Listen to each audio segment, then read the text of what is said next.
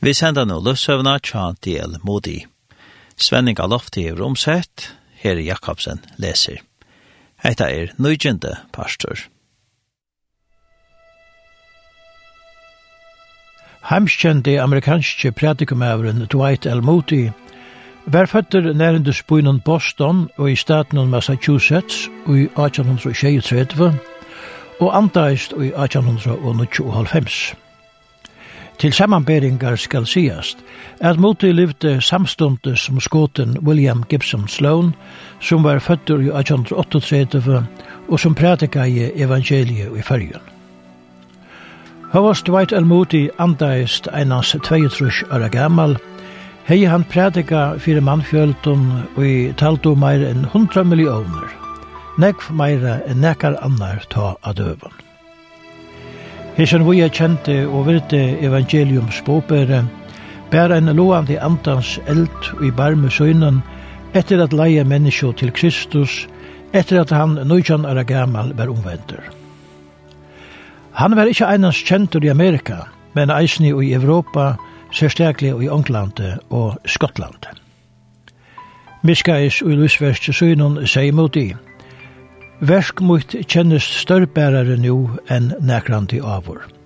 Akvar en frøye at vera vi og hesson innhestinga verskje fyrir herran.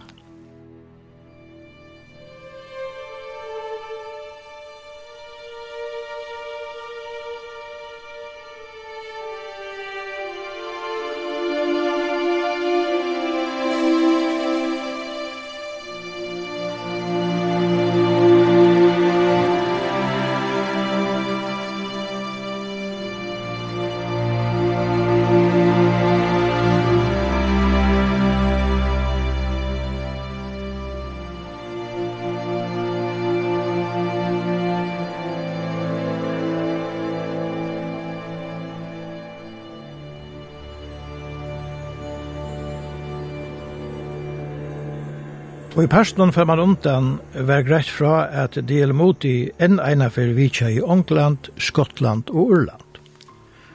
Han er i en åttamann av fundare i London, vetren av Jandro Trujofors, av Jandro Furufors, her tver millioner mennesker hørte han tale. Heima til komen til Amerika, hei han fundare i San Francisco og i Fimmanager. Sovande fjölter våre vaktar, og tryggvande finko nutja megi at liva andalega luive. Nutjande pastor i Northfield. Northfield var bandomsbøyer motis.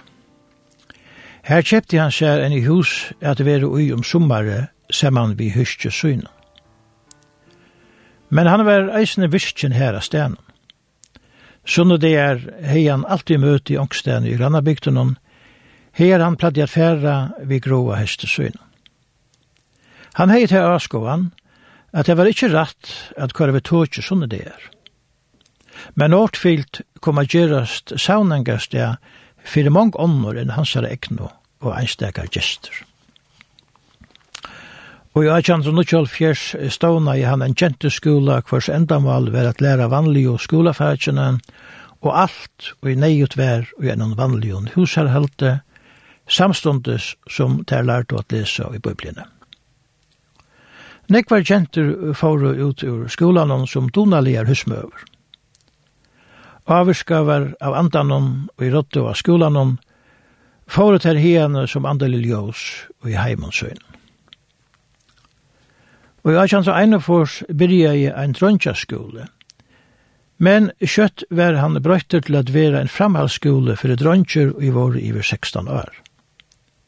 Hesse dronjer fink og gav undervisning, men enda malet var at leia her til Kristus og djeva dem og kunnleika. Som eit framhalt av hesse skolen om var en biblioskole stavnaver i Chicago. Dr. Torrey gjørdes leier her. Enda malet var at utbyggva unkar menn og kvinner til at fære ut i heimen at kunnkjere evangeliet og emsen hatt. Nu skal være greit fra hvordan Moti fikk møveleikar at fære inn i lærte og haskullene i Nordfield at kunngjøre evangeliet. Onkur kanskje hugsar at ein óskúla var mever som Modi var ikke fyrir at tala til lesandi ungfolk. Han kvørst kunne skrive til at tala engst ratt. Sjolver helt Modi at han var óeknaur til dette versk og tala i sera sjoltan til lesande folk. Men medan han var i England i 1803 fors, fekk han innerligere avheitaner fra dem lesande i Cambridge og Oxford om at det var møte av lærlo og skolen her. På Cambridge var et størst høle leia til at det var møte i Sunnede. Omlai 1600 lesande ungfolk kom med pratande og leande i Lorsta. Ta imot i be en prest om at byrja ved bøn, røpte ta i unge følsene. Eisen ta i sanke for a sinja røpte ta. Men jeg måtte i tala i hørtes nesten ikkje et år som det røpte. Ta en frielig løta vær, be han ta som høyde viri fyrir gode mauert herra, om a stekka etter til et bønamøt.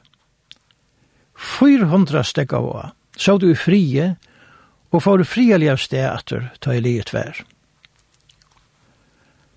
Mana kvölde var møte i en liten høle. Best hundra folk kom til dette kvölde, men kvöldene etter kom nek flere. Sedna parten høste hei modi finnje hundra møver i bøynon, at koma seman at bia fyrir synonon, kjø øron mammon. Vi tar av at en egen røpte til god om at bodja gjørste og heisen unge mannen. Om kvölde var alt brøtt. Modi tala i om Bridleps natturan Lamsens, og etter møte hette han Øltei, som atla og ser at vera vi til Bridlep Lamsens, og man færre opp kjøkken trappenar og inn og gjett minni høl i erva. Tiande rastest ein ungar lesande, og får til gong og opp kjøkken trappenar. Hånden av bætje får flere samme ved, og inn og i høle i erva. Sånne kvölde kom og 1800 lesant i a møte, og lort av hodtidsen etter moti, som tala om evne Kristi evangelium. Hese møte sette djup spår mittel lesande fölkju i Cambridge etter tandet.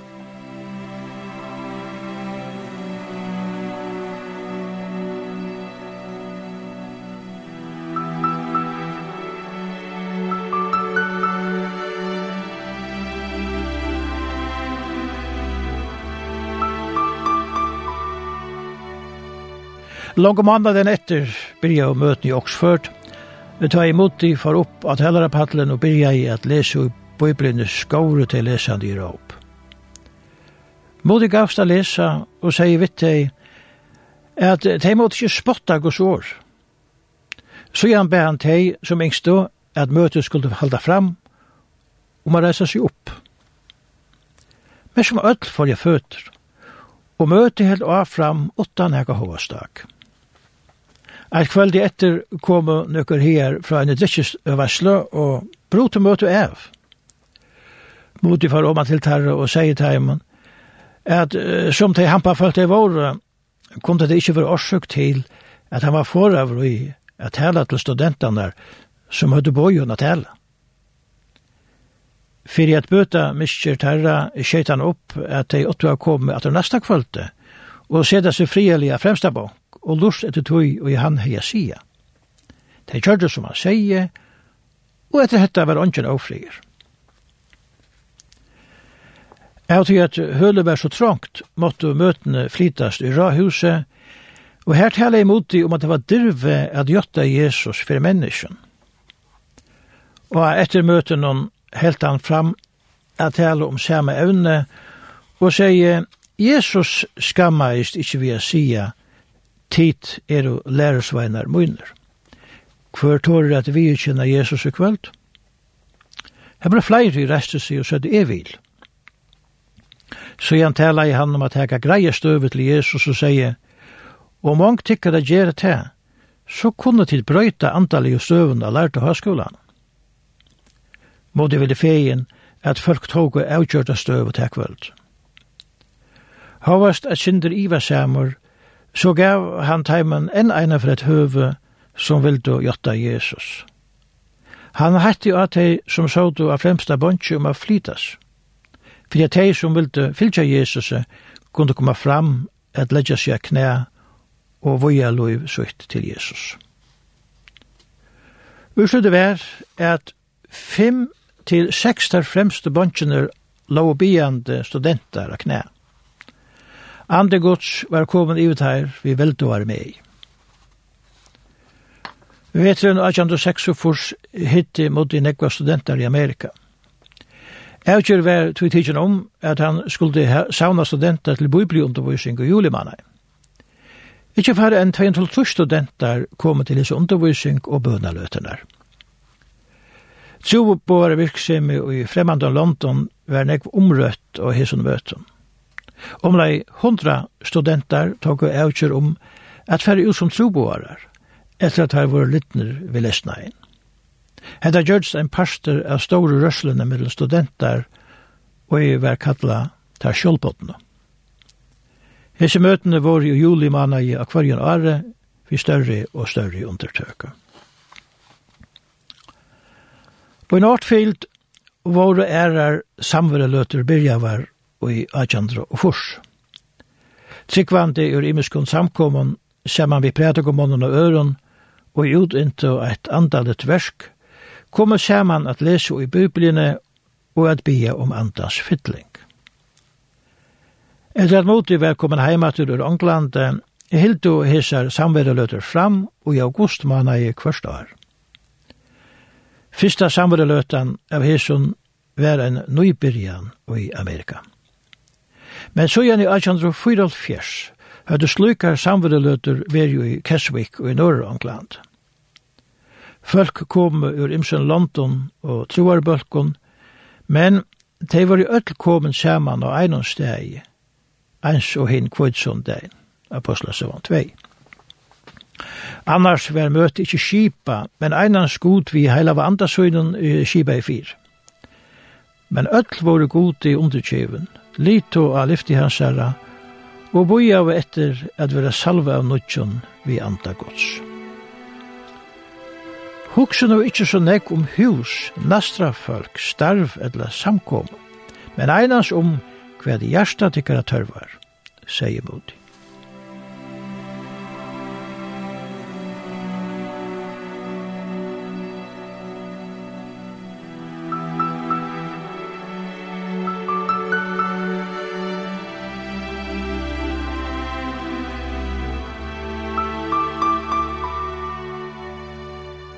Er mevor reiste seg opp på en møte og sier at han har livet fem år av ombrøytingar fjallen. Moti hukte på han og spurte, hvordan mange mennesker lette du til Jesus i fjør? Det vet jeg ikke, sverre jeg med. Jeg hever til å være et ombå til at onker var prester, spørte Moti. Det vet jeg ikke, sverre jeg med, det er farligere. Så er det ikke slukkar opplevingar av fjallstinden som tøver okkon, at vi kommer så høgt opp, at vi ikke brukar okkon om at få armar syndarans frelstar, sier mot. Men jeg møtene for fram våre imsar utandora samvere løter. 26 folk kommer saman av einom steg, og vi kallast vi Round Top. De stod i rindtje og hilde i hånden av kvørst av øren, bevøkte seg av nødgjøn til god og til endur nødja samfunnet kvørst vi anna. Eit av teima skjeid opp at de skulle skriva nøvnen i opp og lova bia kvørst for i øron til tæra deia det. Men måtte seie at tær skulle de ikkje gjere. Tog det kunne gjeres en bire for samviskene og et strev i arbeid og i steg fyrir en av hjertans glede. Da jeg møtene enda og sier mot dem, Færen er ikke heimater at tale om hese møtene, men færen er heimater at tale om Jesus. Det er han som heimeren tør være tøyre om. Alle stedene her god leier til eget arbeidsplås. arbeidsplass. Tale ikke så nek om tikkara troar opplyvingar. Et heilagt liv hever største avvarskanna. Vitaner blase ikke i men einans lysa. Ein dagen hundra av dem så det saman around top sier modebrottliga. Brøver, er hvordan mennesker at tikkun er jo så boner at tid til tåle at høyra om tikkara egn og brek? Flere rett ventnar opp. Modi venter seg til ein av hesson, en prest, og sier at nastur hånden og sier, Brøver, Tu hever tala 13 ferer, er sær senast og trutjar deanar. Og hever samstundes fora 12 øren at teka året. Hetta var om ikkje fyrir henta unga presten. Han får verja seg, men det gjør det bare illt verre. En eldre mever atala imot i fyrir hans oansne. Men fyrir hinn fyrra mannen vær alt detta om ikkje. Han helt hendene fri anledde, og røpte ut mittelen fingrene prøver til alt satt som vi må sier om meg. Men jeg var ikke mittel terra som rett og hendene opp. Og en av møtene tala i modig om hvordan herrens tænere skulle være. Han høyte hår, hør år og om tær som ikke lute som det åtte i livet. En unge mever som les godfri sier, herre modig, er så ikke ångan av hæsson prestunnen som tiden taler om. Mot i Sverige bare av en atter. Tiden er jo en, en unge maver. Tiden for å suttje nekvar av hesson. Alt var greit at mot i hesafer ikkje hei tala av rattan hatt. Sætne sier mot i sjolvor, brøvor, jeg gav hæsson unga vinen munnen et vanaligt svær i. Jeg blir han og god om fyrtjøving. Så får mot i vidt den unge mannen, og tog i hånden av honom. Henda hendingen hei størst åren av alt hei her vår. Ein av teimen som vår tjastater hese løtna seie. Etter hese hending tørva i okkon ikkje at heva nek ettermøte. Onkur helt at heva og lute bie, Men tåk hun de ødeligast om at andegods viska i av hesson møten.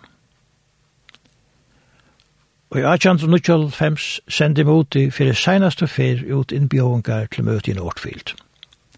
Han taler i Oliver samt om at heimen hon tørva i at vakna opp andalega, men leia træt. Men andalega vakningen var byrja i Guds samkommun. Vi endan og hesson møte, sier han, Jeg halte at Nordfield er så nær paradiset som det kan være her av folk.